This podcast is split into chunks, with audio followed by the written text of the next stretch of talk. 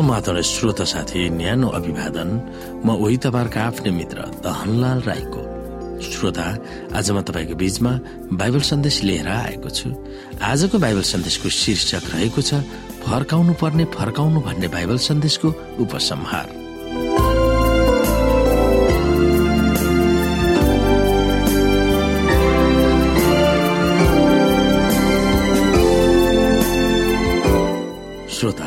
हामीसँग रहेको सम्पत्तिलाई कसरी वितरण गर्ने भन्ने विषयमा दिदी एनएनजी व्हाइटले हामीलाई विभिन्न पुस्तकहरूमा लेखेका छन्। उहाँको पुस्तकमा आफूसँग भएको सम्पत्तिलाई कसरी व्यवस्थापन गर्ने भनेर पनि लेखिएको छ।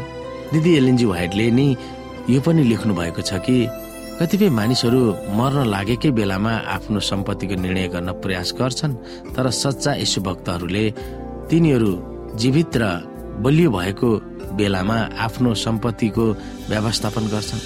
तिनीहरूले आफूहरूलाई आफ्ना जीवनहरू र सम्पत्ति परमेश्वरलाई सुम्पिन्छन्। उहाँको सञ्चयकर्ता भएर काम गर्दा आफूले गरेको कर्तव्यप्रति तिनीहरू सन्तुष्ट हुन्छन्। सम्पत्तिको व्यवस्थापक भएर परमेश्वरले दिनुभएको जिम्मेवारी तिनीहरू आफैले पुरा गर्छन्। तिनीहरूले आफ्नो जिम्मेवारी अरूहरूलाई पन्छाउँदैनन् आफ्नो व्यवस्थापक आफैले गर्नु भनेको के हो? इच्छा पत्रमा प्राय जसो आफ्नो सम्पत्ति कसरी उपयोग गर्ने भनेर लेखिएको हुन्छ। तपाईँको व्यवस्थापक तपाईँ नै हुनु भएर तपाईँ जिउँदै भएको बेलामा तपाईँको व्यवस्था सम्पत्तिहरू वितरण गरिएको हुन्छ। यसो गर्दा त्यसका नतिजाहरूबाट तपाईँ सन्तुष्ट हुनुहुनेछ र तपाईँलाई परमेश्वरले दिनुभएको सम्पत्तिको जिम्मेवारीलाई उहाँकै इच्छा अनुसार अपचलन गरिएको ठहर्दछ। यसु भक्तको निम्ति यसुको दोस्रो आगमन धन्यको हो अथवा आशा हो? यसु आकाशबाट कसरी आउनुहुनेछ भन्ने हामी सबैले कल्पना गरेका छौँ। तिमीहरूले राम्रै गर्यो भन्ने उहाँको मुहारबाट सुनेको हामी सबै चाहन्छौ। तर असल काम गर्नुभन्दा अघि नै हामी मर्यौँ भने के गर्ने? यदि हामीलाई प्रकट गरिएको परमेश्वरको चाहना अनुसार हामी चल्यौँ भने हाम्रो प्रयासले उहाँको कामले प्रगति गरेको छ भन्ने कुरो थाहा पाएर हामी सन्तुष्ट हुन्छौँ। अहिले नै हामी जीवितै अवस्थामा गरिएको भविष्यको व्यवस्थापनले परमेश्वरको कामले निरन्तरता पाउनेछ भनेर थाहा पाउँदा हामी खुसी हुनेछौँ। श्रोत साथी तपाईँले स्वर्गको ढुकुटीमा धन थुपार्ने भन्ने कुरालाई सोच्नु पर्दा तपाईँले तपाईँको मुक्तिको निम्ति पैसा तिर्न खोजेको होइन भन्ने कुरामा तपाईँ कसरी यकिन हुन सक्नुहुन्छ? हामीसँग भएको पैसा उद्धार भएर अरूहरूलाई दिने काममा अथवा क्रममा हामी कस्तो बुद्धिमानी र सावधान अप्नाउनु पर्दछ? कतिपय समयमा यो समयमा यो हुनेछ वा संसारको नाश हुनेछ भनेर दिन तोक्नेहरूले तपाईँको पैसा थुत्न खोज्छन्। यस्ता किसिमका छलहरूबाट जोगिएर परमेश्वरले तपाईँलाई दिनुभएको पैसालाई उहाँको काममा कसरी उपयोग गर्न सक्नुहुन्छ त्यो विषयमा पनि तपाईँ सोच्न सक्नुहुन्छ। आज संसारमा हामी कहिल्यै मर्दैनौ जस्तो लाग्छ।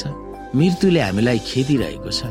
श्रोता हामी यो कुरा बुझ्न सक्छौ कि संसारमा हामी सधैँभरि रहन सक्दैनौँ। एक न एक दिन हामीले मर्नु पर्दछ। तब हामी मर्ने बेलासम्म पनि हामीलाई मर्छौ जस्तो लाग्दैन।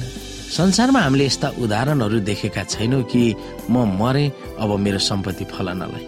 त्यस्तो हामीले देखेका छैनौँ। तबसम्म बाइबल आधारित भएर हाम्रो जीवनलाई बिताउने हो भने हामीसँग भएको प्रशस्तता सम्पत्तिहरूबाट मानिसहरूलाई अथवा चर्चको काममा हामीले ती लगानी गर्नुपर्दछ।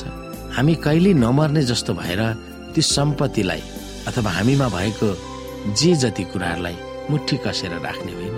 परमेश्वरको काममा उद्धार चित्त भएर उद्धार दिल भएर मानिसहरूलाई सहयोग गर्ने अप्ठ्यारोमा परेकाहरूलाई होका नाङ्गाहरूलाई हेर्ने जस्ता कार्यमा हामी संलग्न भयौँ भने हामीले साँच्चै नै स्वर्गमा त्यो धन थुपार्न सक्छौँ र संसारको धनले हामीलाई स्वर्ग लान सक्दैन।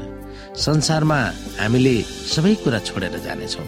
हामीले बनाएका घर हामीले बनाएका समाज हामीले बनाएका गाउँ यी सबै कुरा संसारमै हामीले छोडेर जानेछौँ। हामीले लिएर जाने केवल भावना मात्र हो। मानिसलाई गरेको सहयोग हो मानिसलाई गरेको परोपकार हो यिनी कुरामा हामीले मन लगाउनु पर्दछ र यसो भयो भने हामी साँच्चै नै स्वर्गको राज्यमा प्रवेश गर्न सक्दछौँ। हामीलाई बाइबलले कसरी हाम्रो जीवन जिउने भनेर सिकाएको छ त्यो मुताबिक हामीले हाम्रो जीवनलाई व्यवस्थापन गर्न उचित हुनेछ।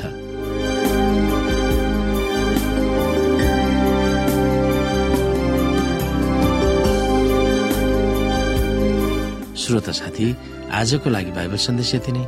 हस्त नमस्ते। जय मसिंह।